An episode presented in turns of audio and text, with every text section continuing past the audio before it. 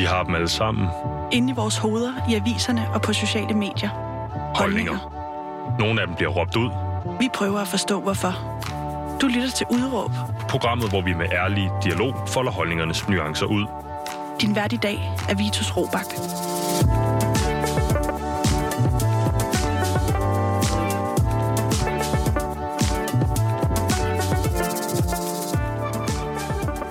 God dag og velkommen til Udråb her på Radio Loud, som i dag skal handle om børn. Det skal handle om børns opdragelse, børns rettigheder og deres forældres evne til at sætte sig i deres sted. Desuden skal vi snakke Generation iPad og DR's børneplatform til de helt små Minishan. I øvrigt meget, meget mere. Alt det, det, alt det her det har dagens gæst en holdning til. Hun er øh, lektor på Aarhus Universitet og UNESCO. Chair, velkommen til dig, Ditte Vinter Lindqvist. Tak for det. Dit, øh, vi skal snakke om børn i dag, men øh, for min nysgerrigheds skyld, kan du så ikke lige starte med at fortælle mig, hvad er en øh, UNESCO-chair? En UNESCO-chair er sådan en, vi lige har fået på DPU, og øh, man kan tale om det som en slags ambassadørskab for UNESCO's verdensmål, og vi fokuserer så særligt på uddannelse og uddannelse af de mindste. Men, øh, men der er jo mange verdensmål, som går i alle mulige retninger, som både handler om at, at formindske fattigdom og øge lighed, men også at komme øh, bedre i mål med bæredygtig udvikling hurtigere og ligestilling mellem kønnene. Det er jo alle mulige forskellige dagsordner, UNESCO sætter på, og øh, vi skal så øh, arbejde for, at øh, små børns rettigheder til kvalitetsuddannelse i Danmark øh, bliver ved med at være højt på den politiske dagsorden. Okay, så hvis man kender øh, UNESCO fra øh, verdensmålene, øh, verdensafslisten, hvad har vi i Danmark? Stævns Klint, Roskilde Domkirke, ja. sådan noget, ikke? Jo, Møns Klint. Møns Klint, ja. måske. Øhm, så det her, øh, kan, man, kan man tale om det, det på en eller anden måde er det samme arbejde, men for, for udvikling for fremtiden og for, ja. og for de mål, vi ligesom skal indfri som menneskehed? Ja, det kan man godt. Og jeg er jo stor fan af de mål, og faktisk, man kan også sige, øh, det går ret godt. Altså, nu talte vi lige i forinterviewet om, altså, om der er grund til alarm og så videre, men det er der jo egentlig ikke. Altså, øh, og måske faktisk også blandt andet på grund af UNESCO's øh, forskellige målsætninger op igennem de sidste 30 år, ikke, har vi jo faktisk set på mange måder en rigtig god udvikling. For eksempel på fattigdomsområdet, så mange færre børn i verden vokser op under, under alvorlig fattigdom og sult. Blandt andet på grund af deres indsats? Ja, og øh, som, som UNESCO Chair, er det så ligesom øh, en af verdensmålene, øh, der er blevet, øh, hvad skal man sige, hægtet på øh, dit arbejde som øh, lektor, eller, eller hvordan er det ligesom? Øh... Nej, altså vi er en gruppe på DPU, som har forsket i, i småbørn og småbørns udvikling, og i pædagogik og uddannelse for de mindste.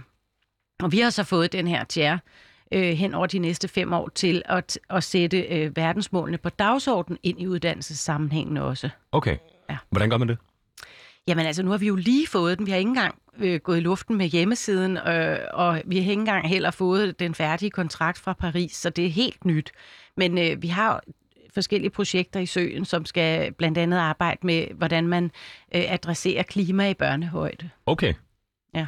Kan du sige noget om det? Det lyder vildt spændende. Ja, det er vildt spændende, fordi det har faktisk også lidt med dagens tema at gøre, men altså noget af det, der ligger mig meget på sinde i de her år, er, at vi jo står over for sådan kæmpe store brydninger og store problemer, øh, for eksempel med biodiversitet og klima og sådan noget. Og jeg kan jo ikke lade være med at tænke på, hvordan det påvirker vores mindste, at høre om det og se de voksne tale om det, og Altså, så hvordan inddrager man dem på en rigtig god måde, uden at gøre dem bange? Vi kan jo se i forskningen, at i Australien for eksempel, der er det blevet en, altså en ny form for lidelse. Altså øh, klimaangst kalder man det. Blandt børn og unge? Blandt børn og unge. Og det er jo meget alvorligt. Altså, det betyder blandt andet, at de ikke har lyst til at få børn. Så når man spørger 12-13 år i Australien, så er, har vi aldrig set så lave andel af mennesker, der altså har, har tænkt sig at fravælge, fravælge selv og få børn.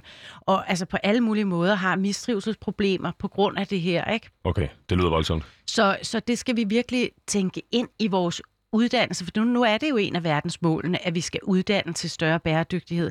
Det bliver vi simpelthen nødt til at gøre på nogle præmisser, der også tager børnene lidt i hånden, fordi det der jo er med det, som jeg så også har tænkt rigtig meget over i den forbindelse, det er, at når man beder nogen om at tage ansvar for, eller omsorg, vise omsorg for noget, så giver man dem også samtidig ansvar. De to ting følges ad, mm. øh, og, og, og det skal vi jo passe på med, når det er de, det er de mindste. Ja. Jeg vil sige, jeg har også øh, oplevet det i mit eget liv. Min søster, der går på øh, det fri gymnasium på, på Nørrebro, øh, kunne fortælle om det her allerede i de første par uger øh, af sit gymnasieforløb. Øh, klimaangsten blandt ja, øh, folk, ja. de er så en 16-17 år gamle, de her mennesker. Øh, jeg fik kuldegysninger lidt, da du sagde det, fordi jeg kan mærke, det er... Øh, det, det er jo ligesom et, et, et, et kæmpestort, sjovt nok verdensomspændende problem, som man så ligesom også skal være i stand til at kunne formidle i børne, børnehøjde, øh, uden at gøre dem bange, uden at gøre øh, klimaet til, til the boogeyman øh, ja. mere end højst nødvendigt.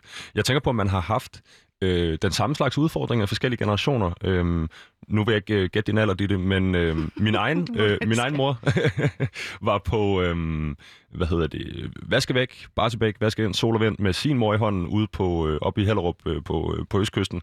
Øh, er, der, er der sådan et, et, et ja, hvad skal man sige, et traumeagtigt, en traumeagtig problemstilling i alle generationer, eller øh, er det, er det, er det nu her inden for de sidste 50 år, hvor, et, øh, hvor utopiet ligesom er rykket lidt nærmere, eller hvor øh, forældre er øh, mere opmærksomme på de problemer, og måske er bedre til at snakke med deres børn om det, uden at overveje konsekvenserne, altså hvordan det lander i en barnehjerne? Altså, det er jo et stort og svært spørgsmål, fordi på den ene side kan man sige, jeg var jo i øvrigt med i klapvogn til de der Barsebæk væk. Øh, Godt, så er jeg, helt, jeg er ikke helt ja, ved siden af på eller anden Men, men du kan jo sige, hvad med dem, der voksede op under den kolde krig? Hvad med dem, der voksede op under 2. verdenskrig? Altså, det er jo ikke fordi, vi er de første, der står over for store udfordringer øh, som generation. Jeg tror, det, der er det særlige, er, at vi som voksne ikke har nogen gode svar. Mm. Altså, øh, øh, da mine forældre øh, opdragede mig til øh, antikrig og alt sådan noget der, så var der ligesom nogle løsninger på global dialog og øh, altså øget øh, hvad hedder det, samarbejde og alt sådan noget. Ikke? Altså, man kan godt se for sig, hvordan man kan undgå krig. Øh, men jeg synes, det er meget svært at være et godt forbillede og en god rollemodel for det her med klima, fordi at ingen af os rigtig kan helt øh, se løsningerne for os. Vi spiser noget anderledes. Vi holder måske op med at flyve lige så meget. Øh, altså, men, men der er ikke rigtig nogen af os, der har en løsning parat. Og det, det tror jeg er den store forskel altså på, at, at børn og voksne på en eller anden måde underlig nok er lige her. Altså, vi er ikke bedre eksperter. Altså jo, der er jo selvfølgelig nogen, der er teknisk set store eksperter, men, men som generation har vi jo i stor stil spillet for lidt altså, på det her spørgsmål.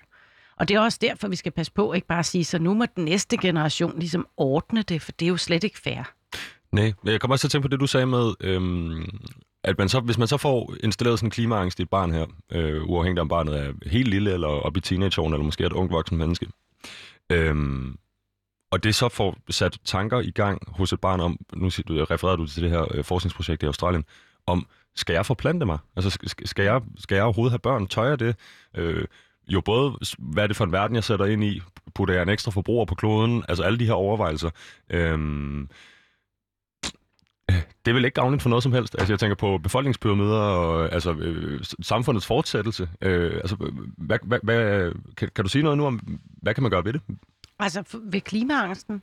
Jamen, og, og, og, og, og den stol, skulle jeg til at sige, den, den, den chair, I er blevet tildelt. Øh, Nå. Hvordan, giver man sig ligesom øh, i, i, i kast med så stort et, øh, altså, så stort et problem? Jo, men altså, det vi har forpligtet os på, er jo at arbejde for at finde øh, gode løsninger. Og, og noget af det, som er en forskers vigtigste om, opgave er jo også at rejse de rigtige spørgsmål. Og jeg synes, det her er det rigtige spørgsmål. Ikke? Så er det jo ikke sådan, at jeg har alle svarene lige nu. Men, men, øh, men, men vi bliver nødt til at undersøge, hvordan man arbejder med de her store udfordringer på en måde, der efterlader mennesker med en følelse af håb og en, og en følelse af mulighed for at handle, og at det ændrer på noget og handle og gøre ting anderledes. Mm-hmm. Og der tror jeg, at øh, vi står over for nogle år, hvor vi forhåbentlig får nogle større, mere politiske, øh, strukturelle løsninger, fordi alt peger jo på, at vi kan godt gøre noget hver især, og vi skal gøre noget hver især, og det nytter, når vi gør noget hver især. Mm-hmm. Men de store altså spillere er jo også de multinationale selskaber og de politiske, altså hvis politikerne stiller krav på baggrund af en folkelig bevægelse, der vil have det, om at øh, industrien og flyselskaberne osv. når nogle mål på nogle bestemte tidspunkter, så, så går det trods alt hurtigere, end at vi andre øh, klager over, at vi ikke vil have så meget emballage om vores æbler, og at vi handler mere øh, økologisk, og alle de der ting, ikke? Jo, jeg tænker på, øh, inden vi hopper videre, øh, jeg synes bare, det er enormt spændende, det, det, øh, jeg tænker på det her klimamål 2030. Øh, et mål, jeg ikke på nogen måde tror, vi kommer til at indfri i Danmark. Øh, jeg har absolut ingen tiltro til det. 0 procent. Øh, det har jeg ikke blandt andet, fordi vi har haft øh, folk, der kan udtale sig om det her i studiet. Vi har snakket om det meget i medierne, og det, det begynder lige så stille, jo tættere vi kommer på, og ligne et urealistisk projekt. For stor tillid til hockeystavsmodellen osv. Hvis nu jeg var en 9-12-årig udgave af mig selv, og, og, jeg, og jeg opfatter, at verden sætter et mål relativt langt ude i fremtiden, og vi så ikke indfrier det, kommer det så ligesom til, altså igen med barnets øh, tag og trivsel, kommer det til at give øh, dobbelt tilbage, øh, eller hvad skal man sige, kommer det til at blive en, en, en, en altså ekstra hårdt for børn at skulle, ligesom, at de voksne kan heller ikke tage sig af det. Vi, vi sætter et mål, men der er ikke nogen, der gør noget ved det. Mm. Altså afmagten. Ja, altså, og det er jo helt sikkert den anden side af mønten, og det er det, vi skal undgå at havne i, ikke? Fordi og, altså, du har klimaangst på den ene side, men du kunne jo også forestille dig, og det er jo det, der har ramt vores generation, sådan groft sagt, en eller anden form for denial, altså en mm. eller anden form for ligegyldig, det er alligevel uden for vores... Øh, øh, hvad hedder det, jeg tænker altid om mig selv som min egen generation, som Ryan er generation. Altså os, der kunne flyve for 5 kroner plus afgifter op mm-hmm. igennem med 90'erne og 0'erne. Altså jeg mener, øh, men, men bare det, at vi har samtalen, bare det, at det er en del af den offentlige debat, og en del af, og nu jo også, det bliver også en større del af uddannelses, øh, altså nu er det jo særligt early childhood, altså øh, de mindste børn og børnehaverne, hvor der har samtalen måske ikke været så stor, men den er det jo i skolerne, den er det i gymnasierne, det er den, altså, så, så tingene vil ændre sig, og vi kan ikke vide, altså vi kan næsten kun spå om, at nye generationer, de årgange, der er små nu, de kommer til at tage en helt anden type action på det her, end vi har gjort. Mm. Øhm, men, men der er ingen tvivl om, at afmagt ligger lige for afmagt eller denial, som vi jo også har set som en stor del af det. Ikke? En eller anden form for, ej, må ikke vi løser det ved, eller der har altid alligevel været forandringer i, i verden, og det her kan man ikke vide, hvor kommer fra. Alt det, hele det der, mm. det er jo også et sted, man kan stille sig holdningsmæssigt til, til spørgsmålene. Ikke? Jo. Det, det, vi øh, nåede ikke længere introduktion af, hvem du var, før min nysgerrighed den løb over med mig for det her UNESCO noget. Øhm, tak fordi du vil svare på spørgsmålet. Du er selvfølgelig også lektor på Aarhus Universitet. Jeg fik det lige nævnt i bisætning. Øh, jeg kan næsten, og det kan lytter nok også gætte sig til, hvad det er for et område, du forsker. Vil du lige sætte nogle ord på selv? Ja, men jeg er sådan en uh, generalist, der uh, er optaget af udvikling og af børns liv og også unges liv, men det er så primært børn, uh, vi mødes om i dag, de mindste, men altså, jeg arbejder med alle mulige temaer, som har stor betydning for små børns liv. Mm. Og det er omsorg, det er leg, primært leg og uh, levende legekultur, kan du sige, altså hvordan man kan skabe gode miljøer for børns leg, og gode betingelser for børns leg, og det linker jo også op til dagens tema omkring barnlighed, at vi skal passe på øh, børns barnlighed. Der er alle mulige kræfter, der øh, tvinger dem over i mere voksne funktionsmåder, og, øh, og, ja, og så har jeg været meget optaget også af kriser. Jeg har lavet soveforskning, og jeg er optaget af ja, alle mulige ting, der har betydning for små børns liv og unge menneskers liv. Og hvis vi lige skal, øh, skal lægge ud her, øh, for vi kommer tilbage til et, et udrum lige om lidt også, du fik lige taget hul på det. Hvad, hvorfor er det, altså hvad er det, hvad er det omkring det her med, med, med, med, med barnligheden, der, der er værd at holde fast i eller preservere? Øh, og hvor længe skal man gøre det? Ja, altså, øh, det handler jo også om det her rettighedsperspektiv. Altså, det handler jo om, øh, når det er svært at, at, at respektere andre mennesker, så er det jo det, der er anderledes i den anden. Det er svært at rumme. Mm-hmm. Øh, vi, vi har bedst øh, ved, og lettest ved at respektere det i den anden, vi kan genkende, som ligner os selv. Ikke? Og der må vi bare ikke glemme, når vi respekterer børn og giver dem rettigheder og tager dem med på råd og spørger dem og alt muligt, at de jo stadig er børn. Og det betyder noget for både, hvordan, hvad, hvad det er for nogle typer ansvar, vi kan overlade dem, men det betyder også noget om, hvad det er måske for en øh, rækkevidde af, af valgmuligheder. Det er rimeligt at øh, sætte dem over for. Øh, og alle mulige ting, altså også altså alle mulige, an, jamen mest med det med ansvar, men også med det med øh, at have en nysgerrighed på, hvad det egentlig er for et perspektiv, de kommer med, for vi kan ikke tage det for, vi kan ikke bare regne med, de ligesom os. Altså, Altså, altså, hvilket man jo gjorde i gamle dage i en eller anden udstrækning. Ikke? Altså, små dumme voksne. Altså, hvorfor er de ja, der små voksne så dumme? Altså, ja, ja, det er det. at de ikke fatter. Ja, ja. Og hvornår, i forhold til det med, hvornår det, øh, hvornår er det, hvornår er det ligesom den her barndom øh, oprinder i, i, i dine øjne? Jeg ved, du har øh, to døtre på øh, 16 og 13. Øh, er de stadigvæk børn? Jamen, det er de jo så på nogen måder. Og det er jo det, altså, udviklingen foregår hele tiden i forhold til de centrale relationer og de centrale aktiviteter. Og begge dele skifter jo og særligt i forhold til rollefordelingen med ansvar og omsorg, så sker der jo noget, når børnene bliver omkring sådan 10-12 år og frem, hvor de jo er mindre på en eller anden måde afhængige af, af, af den daglige, sådan meget fysiske omsorg, og hvor de får stadig mere frirum til selv at definere deres dag og hvad de vil og sådan noget. Og det kan man se verden over. Altså, så kalder vi det forskellige, de her aldersperioder. Men, øhm, men, men der sker helt klart noget der i forhold til deres barnlighed, øh, og hvor man kan sige, nu er de på vej ind i ungdommen, samtidig med, at de slet ikke nyder øh, de ungdomsrettigheder, øh, eller hvad man skal sige, måder at leve på, som rigtig unge så har. Så du kan sige, det er også et slags tomrum i virkeligheden.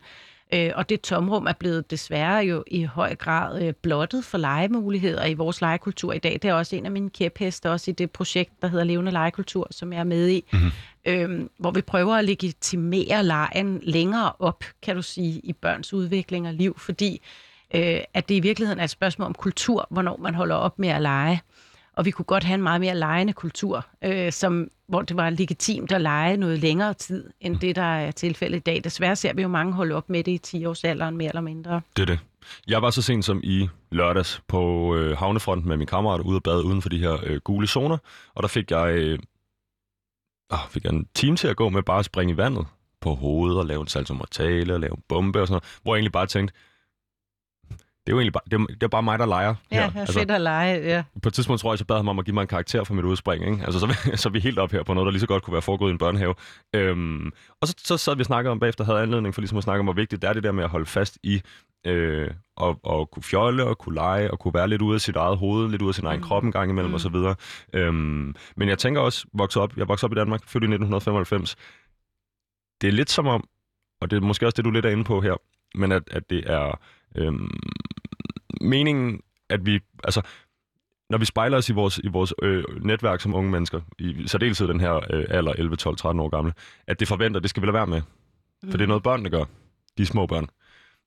Er der, er der ligesom, er der, er der, er der kulturer andre steder i verden, hvor man, hvor man aktivt holder fast i det, eller fordrer leg blandt voksne mennesker, fordrer leg blandt øh, unge voksne mennesker? Øh, eller altså, er der et eller andet omkring Danmark, hvor vi ligesom får lukket ned for det der, fordi nu skal vi videre i seksten? Altså, nej, altså på, på mange måder kan man sige, at, øh, at i den vestlige verden nyder børn faktisk mere frihed til at lege jo end mange andre steder øh, globalt set. Ikke? Hvor, altså, men det man kan sige er, at i mange andre lande, der, øh, der er lejen det frirum og den pause fra pligter og nødvendige arbejdsopgaver, øh, som det også var her for, for mange år tilbage, hvor hos os har vi jo måske i dag indskrevet lejen mere som en del af af det, der skal foregå for eksempel i dagtilbud, og det, der skal foregå også til dels i skolen, selvom der halter det noget mere bagud. Øhm, så, så på den måde kan man ikke sige, at vi, at, vi, at vi leger mindre i Danmark end andre steder overhovedet, men man, kan, men man kan godt sige, at man kunne arbejde for, hvad det er for nogle legeaktiviteter, der er de legitime og som kulturen understøtter. Og der kan man da godt sige, både på bevæ- i forhold til bevægelseskulturen, der er den jo i meget høj grad overtaget eliteidræt og den organiserede idræt. Ikke? Øh, hvor... er, det, er det en dårlig ting? Nej, jeg har ikke noget imod eliteidræt, men det er jo bare påfaldende, at man i langt de fleste kommuner har en eller anden form for eliteidrætspolitik, men man har ikke en legepolitik. Altså, så man har jo ikke noget, der beskytter de, den form for bevægelseskultur, der ikke er høj, højkonkurrencepræget. Nej. Og i forlængelse af det, så lad os lige få styr på med syvtommers søn, dit, dit øh, udråb i forhold til øh, dagens program. Hvad er dit udråb? Pas på børnenes barnlighed. Pas på børnenes barnlighed. Og hvorfor er det, lige for at opsummere en gang her, hvorfor er det, vi skal passe på børnenes barnlighed? Er det fordi, de ikke kan gøre det selv? Nej, men det er jo fordi, at udvikling altid sker et, sker et samspil mellem vores biologiske dispositioner og den kultur, vi optræder i eller opvokser i. Og der kan du sige, at børn vil altid være børn rent biologisk set. Der er grænser for, hvor meget vi kulturmæssigt kan påvirke, for eksempel hvad børn skal kunne, hvornår. Mm-hmm. Men vi kan sagtens tænke over, om vi har en kultur, som, som hjælper børn med at, at have en legitimitet i at være barnlige. Eller man kan have en, en kultur, hvor man for eksempel lynhurtigt overgiver små børn ansvar for meget dyre ting, som jeg synes er et stort problem. Ikke? Altså, otteårige skal jo ikke slæve rundt på iPads til mange tusind kroner og have dem med sig rundt. Det er en misforstået måde, synes jeg, at over, øh, overdænge et, et voksenansvar på småbørn, mm. som, som jeg ikke mener, de har glæde af, og som hæmmer dem i deres, øh, hvad skal man sige, mulighed for at udøve at være børn. Øh, fordi de så har for stort et ansvar for en stor økonomisk øh, byrde at ligge på dem, for eksempel. Men øh, også i nogle af de eksempler, jeg har i min kronik, altså hvor man, hvor man kommer til at læse voksne intentioner ind i børn, og hvor man kommer til at øh, holde voksne standarder for succes og fiasko over i børn, i stedet for at være åben over for børnenes eget perspektiv på, hvordan noget var, var oplevet eller ment. Ja.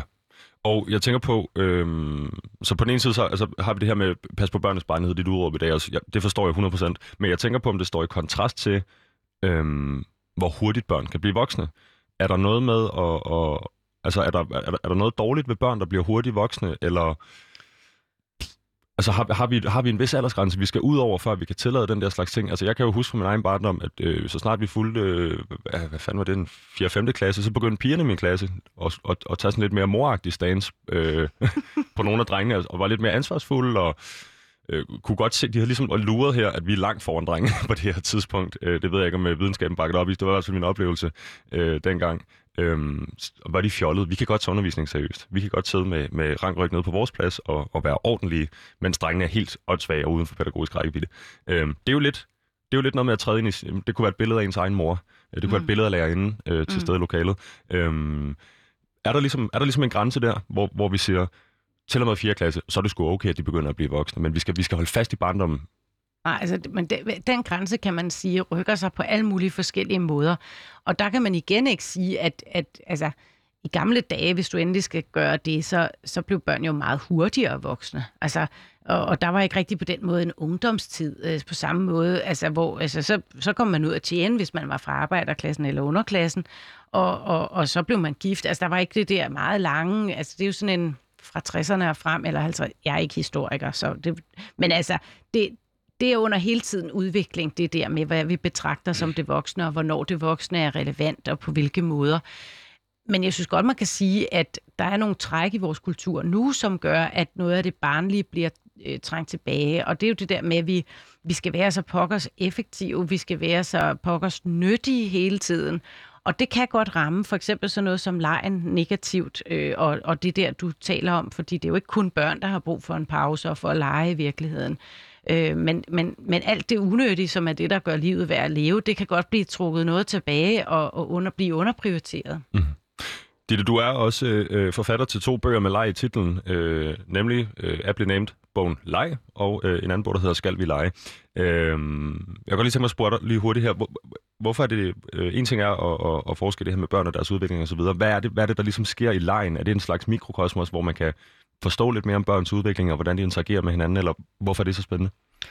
Jamen, det er det virkelig øh, spændende, fordi som du siger, altså, det er jo en prisme til at kigge ind i børns liv og perspektiv, og det er faktisk også en prisme til at kigge ind i deres udvikling, og det bliver det også brugt som altså, af blandt andet legeterapeuter og legebehandlere osv., ikke? men altså det, man får øje på, når man kigger på børns leg, det er jo, hvad de er optaget af, og også i et eller andet omfang, hvordan de forstår ting, eller øh, den måde, de øh, ser på ting. Øh, Øh, så jeg anbefaler altid alle, der er optaget af børn eller arbejder med børn, at kigge på deres leg for at se, hvad er det, der optager dem, og hvad er det, de øh, øh, øh prøver at finde ud af igennem deres leg. Øh, og så derudover er det jo også bare øh, set fra børnenes perspektiv øh, et helle fra alt muligt, og hvor de jo som et af de få steder i livet har mulighed for virkelig at sætte præg på tingene. Øh, ellers er de jo i reglen øh, sådan nogen, der følger med og må leve med de rammer, vi andre sætter op mm. øh, for dem på alle mulige måder. Men i lejen kan de selv definere, hvad det skal handle om, og på hvilken måde, og hvorfor, og hvordan, og, og så videre.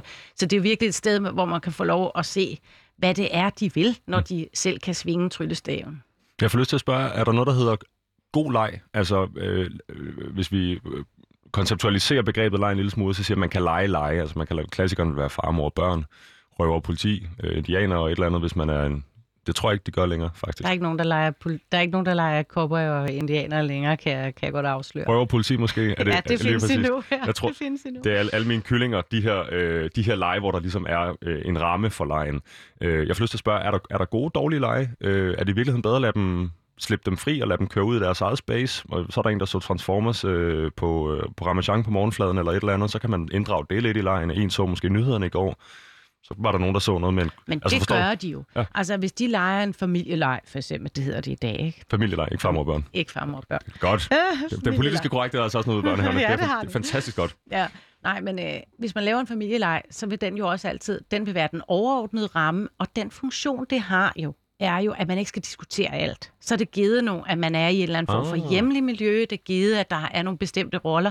Og det er jo så det sjove. Nu kalder vi det familielej, også der er politisk korrekte. Men, men vi har stadig til gode at se, altså hvad skal man sige, øh, regnbuefamilier og sådan noget, i, i mange af de lege i småbørns øh, liv.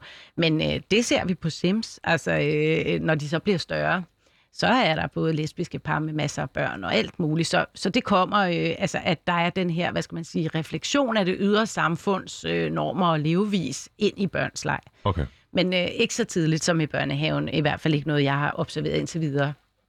Men det, du siger med, at man så øh, leger alt muligt og blander alt muligt, alt efter hvad man har set for nylig eller synes er spændende, det, det, det er jo det, de gør mm. inden for rammerne af de her, øh, for eksempel familieleg eller politi og røver, eller alle de der selvopfundne, øh, hvad hedder det, dinosaurer, store bror, og hvad, hvad de ellers øh, finder på at koble sammen. Jeg får lyst, jeg får lyst, lyst til at spørge ad den her politiske øh, korrekthedssti. Øh, røver politi? Altså, jeg har ikke set det længe, men det findes vel endnu. Der findes i hvert fald både røver og, og politi. Det, der jo er med kopper og indianer, er, at det, det er jo ikke noget, der er en del af det kulturelle mediebillede, altså som det var, da min far var, han legede øh, kåber og indianer, og de havde alle mulige spændende navne for snigende guld uldtæppe og alt muligt, som det, det ville man så ikke have fået lov til sikkert i dag at hedde. Øh, men, men, men det var jo fordi, der på skærmen og på- i biograferne hele tiden blev vist kopper film, øh, og hvor, altså, så, så børn leger jo det, de har adgang til. Det, de kender, det, de har, det, de ved, hvad er. Det danner udgangspunkt for det, de leger. Mhm. Det giver god mening. Og det giver også god mening selvfølgelig, at der er en, en, en, en, popkultur, der afspejles i, øh, øh, i, i, i det her leje, og hvad de jo bliver eksponeret for. For det er jo heller ikke altid, de forstår, hvad de ser. Nej, nej, Øh, I særdeleshed, det- hvis de følger med på forældrenes øh, aftennyheder, eller hvad det nu måtte være. Øh. I et space, der ikke er indrettet til dem.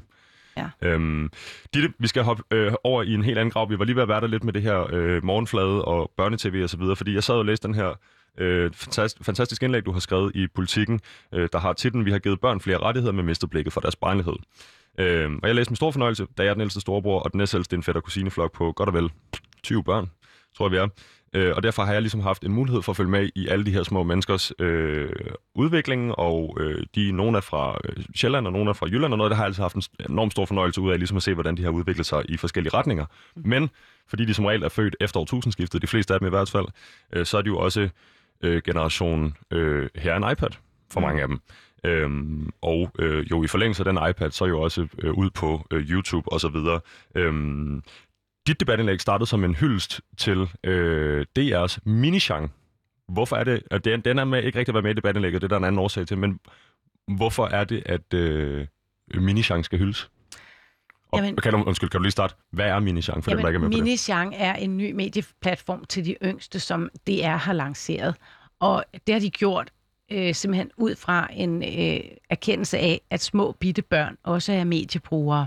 Og at øh, Ramachan-fladens øh, indhold i virkeligheden er lidt skudt over målet for de mindste.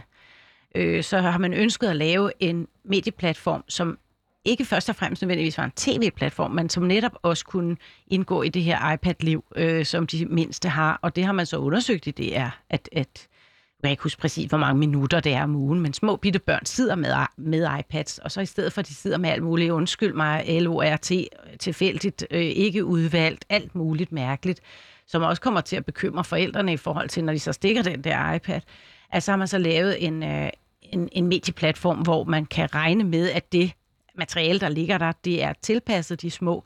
Og min hyldest til det er jo så, at det synes jeg, de har ramt lige i øjet. Altså, at der er den her rigtig gode, øhm, rigtig gode øh, DR-signatur omkring at møde børn i øjenhøjde og ikke være, hvad skal man sige, patriarkalske og normsættende, men, men netop tage udgangspunkt i deres barnlighed og underhold og, og, og gøre det på en rigtig, rigtig respektfuld og interessant måde. Jeg spurgte min, øh, min bror, som arbejder i en daginstitution i går, om han havde hørt til Minichan. Så siger han, øh, er det Ramachan uden John Dillermand? det- Så det tror jeg, men jeg ved det ikke. Øh, jeg har været inde og kigge på, hvad det er, de har derinde, og det er jo, øh, som du siger, øh, øh, indhold kurateret til de helt små. Øh, det giver mening, øh, hvis man går på minichanter. Det går det jo ikke en reklame det her. Det, der ikke giver mening for mig, det er så, når jeg har kigget de her øh, fætter og kusiner over skuldrene.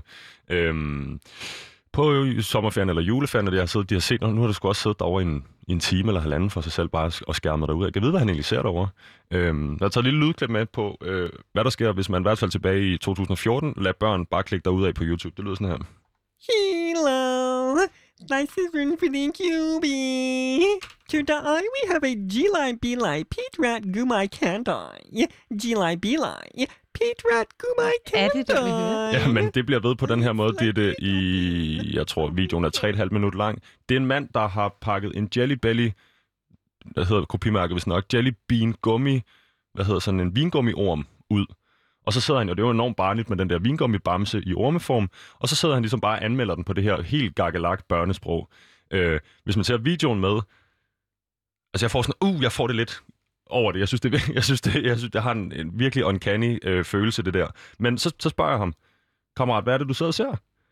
Jamen, det er, han fortæller en historie om, om vingummibamsen. Og så, øh, okay, men på det her tidspunkt er han, jamen, han er vel tre år, tre og et halvt år gammel eller sådan noget. Det, ah, det var jeg ikke så glad ved. Hvorfor skal du sidde og se det her enormt spooky shit med, øh, med, med, med ham her mand og hans stemme? Og der er jo selvfølgelig, det en, øh, øh, en del af pointen, øh, 18 millioner views på sådan en video. Mm. Øh, kanalen har, jeg tror, den har 200 lignende videoer, øh, som de så bare kan sidde og blive fanget i. Hvorfor er det så, nu har vi hørt det her enormt ubehagelige klip, hvorfor er det, at det er øh, vigtigt, at der er nogen, der ligesom er inde til at vælge, vælge noget til og noget fra? Altså, jeg vil lige ved at sige, at vi kender det fra os selv. Altså, hvis man sidder inde i et eller andet opslugende univers, altså, det en minut tager bare det andet på den der skærm, ikke? Og specielt når det så også er designet til, at man skal klikke videre til noget, der minder om. Altså, så, så grunden til, at vi skal regulere, det er jo selvfølgelig, at det kan man ikke overlade små børn selv. At, at hvad skal man sige, mærke efter, nu har jeg fået nok, og nu er jeg i virkeligheden træt i øjnene, og nu trænger jeg til at bevæge mig, eller Det kan de jo ikke selv. Nej, det kan de ikke selv. Øh, der bliver man nødt til at lave nogle aftaler. Men det, jeg synes er rigtig vigtigt i hele den debat, det er, øh, de der iPads er kommet for at blive, og det er derfor, at det er minisang er en super god løsning på et problem. Ikke? Øh, men, men det problem, der ikke bliver løst, er jo selvfølgelig, hvor længe skal børnene sidde med dem, og, og hvordan skal vi forholde os til al den tid, der ligesom, hvad er det, det går fra den tid? Og det skal vi også være kritiske over for, uden at, uden at det skal være sådan noget fuldstændig bekymrings... Altså fordi forskningen viser sådan set ikke nogen tydelige tegn på, at den kommende generation kommer til at have taget vild skade af at have siddet med de der iPads. Og det er værd at huske, at hver gang der har været en teknologisk udvikling i form af en eller anden form for ny øh, værktøj eller redskab eller gadget eller hvad man kan sige, så har der været nogle ældre fra den ældre generation, der har advaret, og hver gang synes det jo alligevel at gå fremad for den nye generation på alle mulige punkter. Men når det så er sagt, så som udviklingspsykolog, så har jeg nogle ting, jeg synes er værd at bemærke, og det ene er, at variation er altid godt. Mm-hmm. Variation er godt for mennesker, når de vokser op. Så både Minishan og øh, ham her, der øh, anmelder øh, vingummibamser, eller øh, hvor, bred en variation? Fordi øh, Nå, det er klart inden for en eller anden form for rimelighedsgrænse. Øh, altså, jeg synes jo også for eksempel, at det er forfærdeligt, at de små bliver udsat for så meget reklame, altså uden at ane det, ikke? Øh, så, så inden for rimelighedens grænser, men nu talte jeg mere om, hvad skal man sige, i afmålte perioder kan man sådan set også se alt muligt LORT, uden der sker noget ved det. og så øh, fætteren her har ikke taget skade af det der. Nej, nødvendigvis. nej, nej, det har han ikke. Der skal heldigvis meget mere til, altså før vi, før vi tager skade. Men derfor kan man godt alligevel øh, have en højere bare jo, end at vi vil ikke have nogen, der skal tage skade. Vi- Vi, vi skal jo helst have den bare, der hedder, hvordan får alle de bedste betingelser for at blive den bedste version af sig selv på en eller anden måde. Og der kan man sige, der tror jeg at der alligevel, der er nogen, der har siddet lidt flere timer, end det var bedst, øh, eller havde været bedst for dem på alle mulige måder. Øh, og i forhold til legekulturen, så hører jeg jo til dem, der synes, at jamen, vi kan godt anerkende noget af det, der sker på skærmene som leg. 100 procent. Og Okay. meget af det er jo også dybt socialt, og her under corona har vi jo set, altså, der har det jo holdt liv i nogle sociale fællesskaber, som, som i virkeligheden har været en redningsplanke for sindssygt mange børn øh, her under corona og alt muligt. Mm-hmm. Men jeg hører også til dem, der siger, men det skal jo ikke erstatte alt det analoge liv, alle de analoge lege, alt den, øh, det fællesskab, der foregår, når man fysisk er sammen og skaber et univers selv. Og så siger du, forskningen kommer ikke til at pege på, at, at, at den her generation af mennesker er blevet ødelagt eller Nej. øh, korrumperet af det her Nej. øh, skærmbrug. Øh, måske øh, nærsyn, langsyn og sådan noget om 40 år, det finder vi ud af, for Ja. det er meget skærm. Men så siger du, det kan indgå, altså det kan, det kan blive en del af lejen, det kan blive en del af universet. Øh, der skal jeg måske have lidt hjælp. Øh, Altså er det det her med at hente inspiration fra noget, man kan se på den her iPad, eller noget, man kan interagere, øh, interagere med på den her iPad, og så putte det ind i sin leg, eller er det noget med rent faktisk at have skærmen som en del af lejen? Jamen, begge dele ser vi. Altså, fordi børn lever jo liv, der går på tværs af det hele. Og øh, vi kan godt øh, sige, at, at skærmene er skidt på en eller anden måde, fordi vi har alle mulige øh, forestillinger om det. Men det, de oplever på skærmene, de universer, de, øh, altså nu taler vi om YouTube, altså deres helte derindefra og så videre, er jo bare nye nye helte for den generation, hvor vi havde nogle andre helte i vores generation. Men så leger de jo, at de er dem, og de imiterer dem, ligesom vi imiterer nogle andre helte. Så, så der er rigtig mange af de samme træk øh, ved børnekulturen og måden at bruge de her nye medier på, som vi kan genkende. Øh, jeg synes bare, det er vigtigt at fastholde variationen. Altså, at det, der skal stadig være plads til, øh, at man spiller spiller fysiske spil. Der skal være plads til, at man kan lave tre mand frem for en enke, eller hvad den hedder i børnehave. Altså, at den her variation og den her righoldighed i en levende legekultur, og der bliver vi nødt til at gøre noget mere for det. For, fordi, og det er så måske også det nye, Altså, jeg kan ikke tænke på et medie, der er mere opslugende og vanedannende og alt muligt end de der iPads. De er jo simpelthen designet til, at vi bare vil sidde med dem hele tiden. Og det er selvfølgelig lidt op ad bakke i forhold til, og det, jeg tror, hvis du spurgte moderne forældre, hvad har I mest konflikter om, eller hvad er jeres, altså, så har det med det der at gøre, ikke? Oh. Hvad med, øh, hvordan oplever du, fordi øh, jeg, jeg tilhører så den generation, der øh, ret hurtigt blev øh, mere færme på internettet end deres forældre, altså fordi vi fik adgang til stationære computere i slutningen af 90'erne med internet på. Øh, jeg har selv dårlige oplevelser fra spilsider øh, med spiltitler, der er så gerne, jeg ikke engang gider at nævne dem i radioen, øh, fordi det ikke var kurateret indhold igen. Øh, vi var ikke blevet opdraget af nogen til, hvordan vi skulle finde rundt på de her spilsider, for vores forældre havde faktisk aldrig besøgt dem. Øh, sådan kan det, jo, kan det jo være lidt igen. Øhm, jeg så øh, et appudvalg på Apples, øh, hvad hedder de, øh, Apples App Store, som altså det indeholder plus 200 titler med Elsa og Frozen. Øh, så kan man til at starte med er det ret sødt. Så kan man give hende kjole på, øh, man kan designe hendes kjole, man kan, nu kan jeg ikke huske, hvad de andre karakterer hedder det her øh, meget, meget, meget populære Disney-univers. Øhm, og så bliver det ligesom, jo længere ned den der liste man kommer, så bliver det mindre og mindre sødt. Så skal hun til tandlægen. Ja. Ja, så skal man hjælpe hende med at fjerne en råden tand. Nå, okay. Det kan man se på, det har man set på andre måder. Så skal hun til, så skal hun til hvad hedder det, noget makeup eller et eller andet, og lige pludselig sidder man, jeg gjorde det selvfølgelig ikke selv, men det kunne jeg se på billederne det der, så skal man prikke hendes bumser.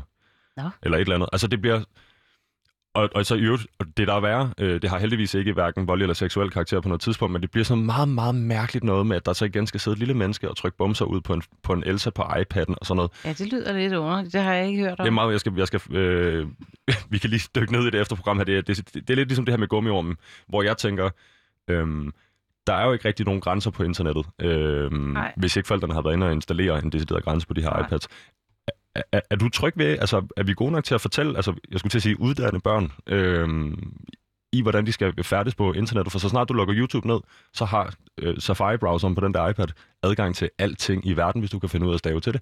Ja. Nå, men altså, jeg, jeg tror faktisk, vi er blevet en lille smule bedre, end, end dine forældre var. Altså, fordi de var virkelig første øh, generation. Og jo igen, altså, en, en situation, hvor man kan sige, at kulturen udvikler sig så hurtigt, at den ældre generation simpelthen ikke kan være bannerfører eller rollemodeller eller noget som helst. Og I har, det har jo været det vilde vist, altså i din overgang. Mm-hmm.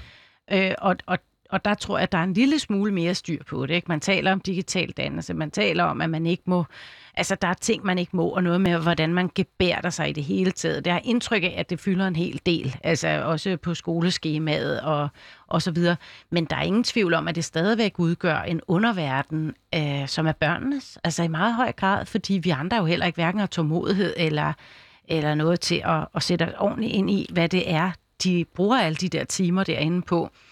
Det, man så må håbe, er, at vi har en, altså en relation til vores børn, der gør, at at der er en tillid, og det, det var det næste, jeg vil sige, at der er en rigtig god tillid mellem os og vores børn, sådan så hvis de oplever noget underligt derinde, mm-hmm. eller noget, hvor de kan mærke, mm, det her kan jeg ikke rigtig styre, eller det her forstår jeg ikke, at de så kommer til os med det. At, at vi har den relation, synes jeg i virkeligheden er det mest centrale, og det man kan arbejde med, fordi vi kan lave regler nu, som er forældet om fire måneder i forhold til de nye spil. Vi kan lave altså, timeangivelser, som hvor det er sådan lidt ud af blå, ikke? Øh, så, så etablere den der tillid til dem, som gør, at hvis de kommer ud for noget, øh, men, men igen, nej, der vil være masser af negative erfaringer, som vi ikke kan skåne dem fra, og som de kommer til at få. Og noget af det er jo også en, altså en, øh, en en rose med tårne.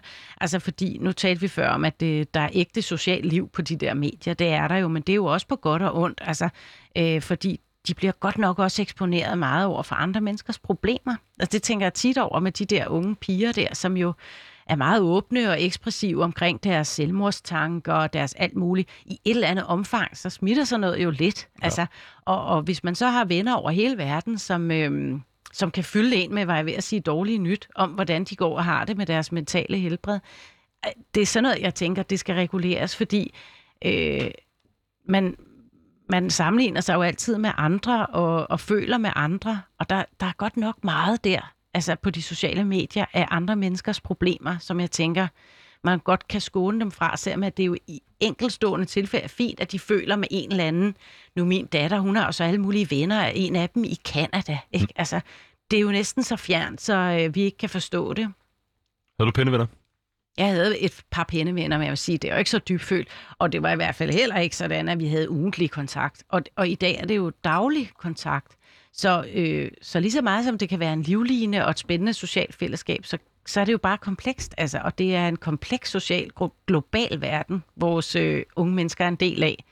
Ja, for jeg tænker, det, det, det, det næste skridt må vel så være, hvis vi starter med noget eksponering, øh, altså de eksponerer os for, øh, det kunne være video på YouTube, det kunne være noget, der helt sikkert er uhensigtsmæssigt, at børn skal se. Det er jo ikke alle, der løber ned, de falder, men det er der så nogen, der gør. Så ser du, så bevæger den sig videre til et sted, hvor at børn skal i hvert fald blive eksponeret for andre menneskers problemer, og måske problemer af særdeles øh, hård karakter. Øh, så tænker jeg ikke, at vi skal meget længere op i årene, før det også begynder at blive øh, børnene mod børnene, øh, digital mobberi ja, øh, og digital chikane osv. Øh, hvordan er det, man ligesom øh, uden at skulle gøre dig til øh, ekspert på den, på den del af det, men er det, er, lad mig vende om, er det ikke i virkeligheden ret vigtigt, at man får installeret nogle gode, altså øh, og en sund dialog med det her barn helt vildt tidligt omkring, hvad der foregår? Jo, jo helt sikkert. Fordi det kommer til at udvikle sig, til de bliver voksne, tænker jeg. Helt sikkert. Og for at trække en tråd tilbage til temaet omkring barnligheden, så er det jo også en måde at forsøge at beskytte deres øh, barnlighed på. Altså, der er et eller andet ved det der med, at det, der fylder for børn, det er det, der foregår her og nu, og lige foran mig, mm-hmm. og det konkrete. Og på en eller anden måde, jo mere det bliver strukket og gjort mærkeligt og abstrakt gjort og alt muligt, altså, øh, så, så hvis man kan på en eller anden måde fastholde, at, øh, ja, at ting det er noget, vi gør sammen. Og, altså, og for eksempel, så, så er der jo nogle færdselsregler, og man taler om det i forældregrupper og sådan noget. Det er en dårlig idé at skændes på sms, for eksempel. Det gør de jo vildt meget. De unge iblandt? Ja, og det er en rigtig dårlig idé, fordi de misforstår hinanden hele tiden i de der øh, skriftlige medier. Og det kan jo godt være, at de gerne vil misforstå hinanden, men ja, så er der måske en, der vil, og syv, der får ødelagt deres weekend. Ikke? Altså, jo, øh, så så øh, sådan nogle retningslinjer kan man jo godt arbejde med i forældregruppen i samarbejde med lærerne, og hvad, hvad er det for nogle øh, normer for måder at kommunikere på, vi gerne vil have her i det her fællesskab. Og der synes jeg, der er vi stadigvæk lidt bagud. Altså, der, der synes jeg hele tiden, børnene løber forrest og løber ind i problemer, jeg ikke havde set komme, og hvor man så ligesom må reparere bagefter. Og det er jo stadigvæk et øh, resultat af, at øh, de simpelthen er eksperter i en kultur, vi ikke er eksperter i. Det er jo lige netop det. Man kigger på de der fætter og kusiner og tænker, de er jo simpelthen bedre til det, end, end man selv er. De kan ikke engang forstå det sprog, de læser. Altså, man kan navigere helt perfekt alligevel. Vi skal tilbage til øh, udråbet Ditte. Øhm, pas på barnets, øh, pas på barnets barn, barnlighed hedder det. Øhm, I den her øh, kronik, øh, der blev bragt i politikken i øh, sidste uge, øh, der har du nogle eksempler, øh, jeg godt lige kunne tænke mig at høre dig på. Øh, du har et eksempel om en, en, en, en toårig. Kan du huske det selv? Ja, ja. Må jeg få ja. det? Nå, men det, er, det er en toårig, der, der banker en anden toårig i hovedet med en, med en skovl. Og det skaber selvfølgelig en masse på styr. Og det, jeg så hæfter mig ved, er, at moren bliver meget bestyrtet over det, og, og får alle mulige tanker om, hvad det er for et forrådende sted, den her vuggestue, og er bekymret for, hvad hendes pige nu er for en, og sådan er hendes pige der ikke, og ja, altså det giver anledning til en hel del altså større bekymringer, end jeg, end jeg egentlig synes, det berettiger, fordi at vi kommer til at tænke for meget i kategorier, for eksempel god, ond eller dårlig, ikke mm-hmm. dårlig, og... Øhm, Labels, tænker jeg. Ja, og, og, og en eller anden form for, ja, det er så det ene af det, men lad os lige blive ved det mm-hmm. omkring det der med, hvordan vi fortolker øh, børn, fordi det den mor jo glemmer er, at det er en toårig, der har slået en anden i hovedet, og ikke en, en 10-årig eller en, en voksen, og der var ikke nogen ond bagtanke med det. Når en toårig slår en anden toårig, så er det kun for at se, Gud ved, hvad der sker, hvis jeg gør sådan her. Ja. Øh, Hvad og bliver konsekvensen af det? hvad er konsekvensen af det? Og, og måske ikke engang tænkt helt så langt. Altså, det kan også bare være en fornemmelse i armen. Det er sjovt at svinge på den her fasong. Øh, så, så vi skal ikke læse voksnes intentioner ind i børns handlinger. Mm. Fordi de er der meget sjældent, eller de ser i reglen helt anderledes ud, når man så undersøger det nærmere. Og de toårige ved det jo bedre selv, ikke? fordi de leger jo lige så snart begge børn er trøstet, så leger de igen, og har ikke noget nag eller noget som helst.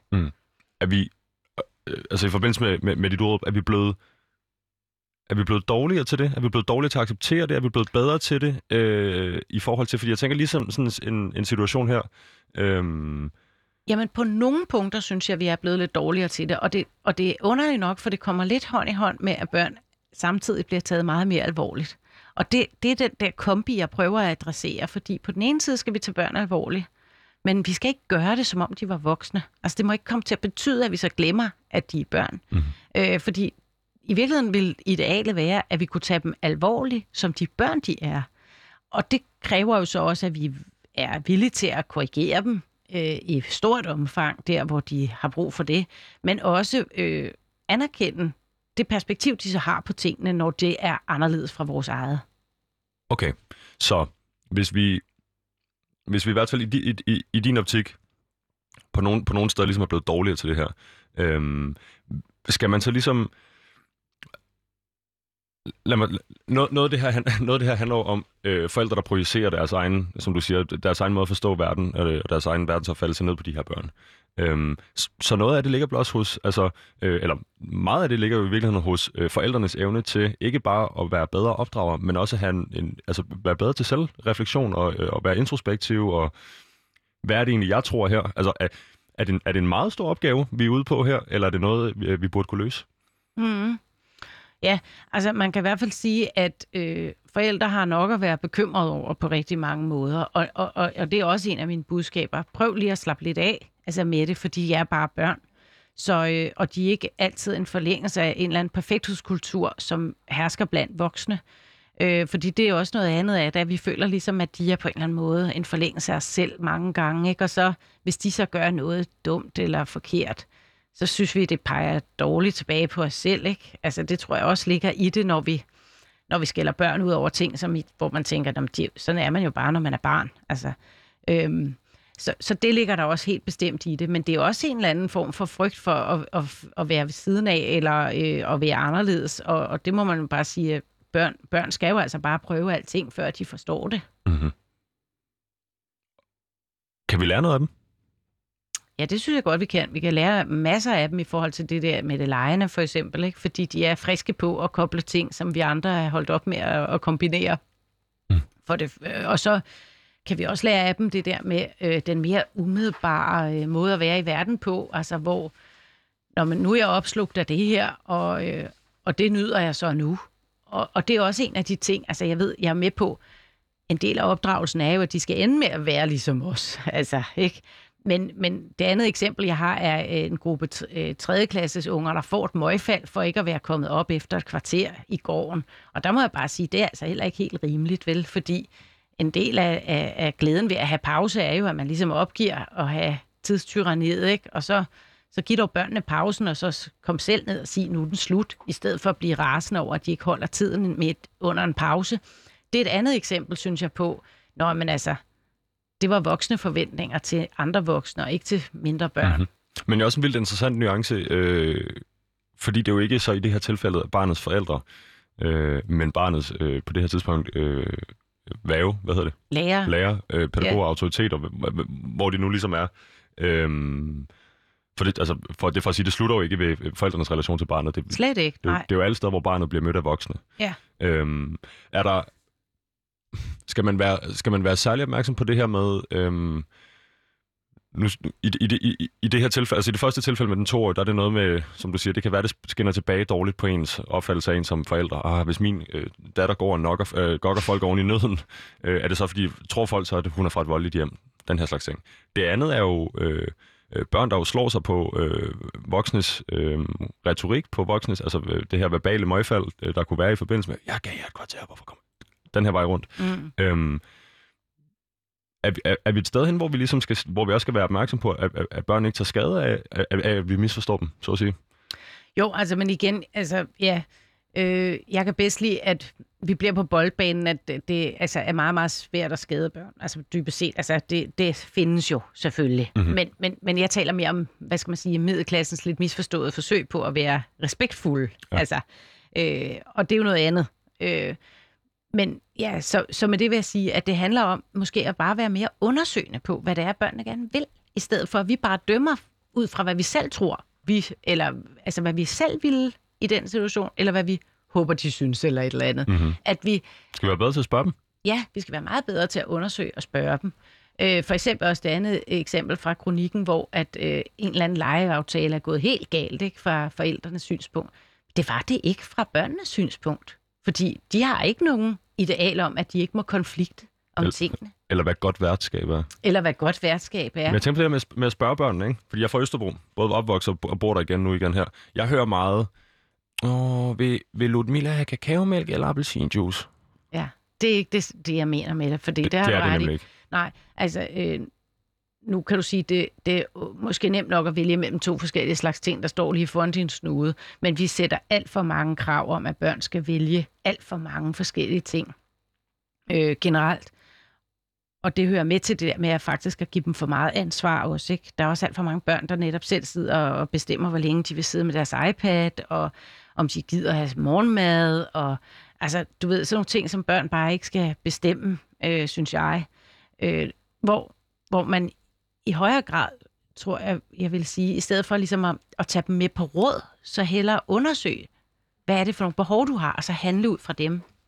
Og jeg tror, en af grundene til, at vi er havnet der, og igen, det er middelklassen, der er nogle andre, vi ikke taler om, som har nogle andre alvorlige problemer med deres forældre osv. Mhm. Men, men middelklassen, har, der har været sådan en tendens til at respektere børns følelser. Og det hører også med til den her rettighedspolemik, jeg prøver at rejse, hvor børns rettigheder må ikke forstås som ligeligt med voksnes, altså fordi det er det samme som at voksengøre dem. Hvor Ah, Altså, hvor... Øh, jamen, altså, jeg kan tage et eksempel. Der ligger en treårig og skriger som en vild, øh, og ikke vil hjem fra børnehaven. Ikke? Det har alle forældre for, været udsat for, og, og, og børn har prøvet. Skal man så ligesom lade barnet rase ud? Det vil være en måde at fortolke at respektere barnets følelser på. Og det synes jeg er så forkert, og det er der mange, der gør. Nå, men vi må jo ikke blande os i, hvordan, hvordan Ah. Hans han har det, eller han har lov til at føle på den her måde. Og det er jo helt forkert, fordi han, han kan ikke regulere sine følelser, og han er tydeligvis ude af kontrol med sine følelser. Så skal vi jo hjælpe ham til at falde ned og falde til ro. Han har ikke nogen glæde af at ligge og sparke i raseri. Og udm- altså, han, han, han besvimer til sidst af udmattelse, men vi kunne jo godt have stoppet ham Mhm. øh, meget længere før. Og det er der, hvor respekten for børns følelser må ikke blive til, at vi bare overlader dem på en eller anden måde til sig selv, vel? Respekten for børns følelser må ikke blive til, at vi bare overlader dem til sig selv. Nej. Øhm, det er jo en, en, en rigtig fin måde at, at, at indkapsle det her på. Vi er ved at være løbet tør for tid i det.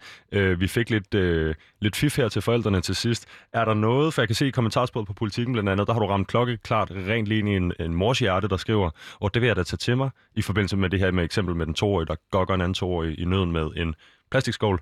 Øh, er der nogen, her på faldrebet, nogle, nogle, nogle, nogle, nogle fif, vi kan give? Kan vi pege forældrene øh, i retning af den rigtige litteratur, hvis man vil, øh, har hørt på dig og tænker, det, det er nok der, det er der omkring, jeg ligger. Det, det er sådan, jeg opfatter børneopdragelse. Ja, altså, jeg vil faktisk helst ikke anbefale forældre at læse så meget, og slet ikke dem, der overvejer at gøre det. Dem, der overvejer at læse, de skal lade være. Dem, der overvejer, ja, det skal og så være. skal de stole på sig selv, og, og, og, og nyde deres forældreskab, og nyde deres umulige unger. Åh, oh, det var fint. Det kunne jeg godt lide. Skal de, når vi, i forbindelse med det, vi snakker om for lidt siden, med at, med at spørge dem. Det er noget med at spørge dem ind på, hvad de synes er interessant, og hvordan de oplever ting mere, end det er Ja. at spørge dem om valg. Ja, det er noget med at spørge dem for at afdække, hvad er det for et behov, de har. Og det kan de jo ikke selv sige, jeg har det her behov. Så det er noget med at spørge, sådan så man selv får indblik i, hvad man han har eller hun har for et behov, og så rammesætte ud fra det. Fordi børn kan ikke selv styre deres følelser, børn kan ikke selv styre deres handlinger. Vi bliver nødt til at hjælpe dem med det. Og det gør vi bedst ved at spørge dem, i stedet for øh, at sætte os ned. Hvis du har meget lyst derude til at sætte dig og læse en bog, så lad være. Ja. De Ditte, vi når ikke mere i dag. Jeg vil sige tusind tak, fordi du kommer og gæster mig i studiet. Det har været fornøjeligt at tale med dig. Jeg har måske også lært noget. Øh, det tror jeg i hvert fald, jeg har. Så må vi se, om, øh, om, om, om jeg kan hvad hedder det, apply det, når jeg øh, en eller anden dag sikkert skal være forælder. Øh, tusind tak, fordi du kom til det. Selv tak. Jeg vil sige øh, til dig, der lytter med derude, du har lyttet til programmet Udråb her på Radio Loud. Vi er i dag med producer Pauline Kloster ude bag glasskærmen. Jeg har været din vært. Mit navn er Vitus Robak, og det er som sagt Rakkerpark Productions, der står bag den her produktion. Tak fordi du lyttede med.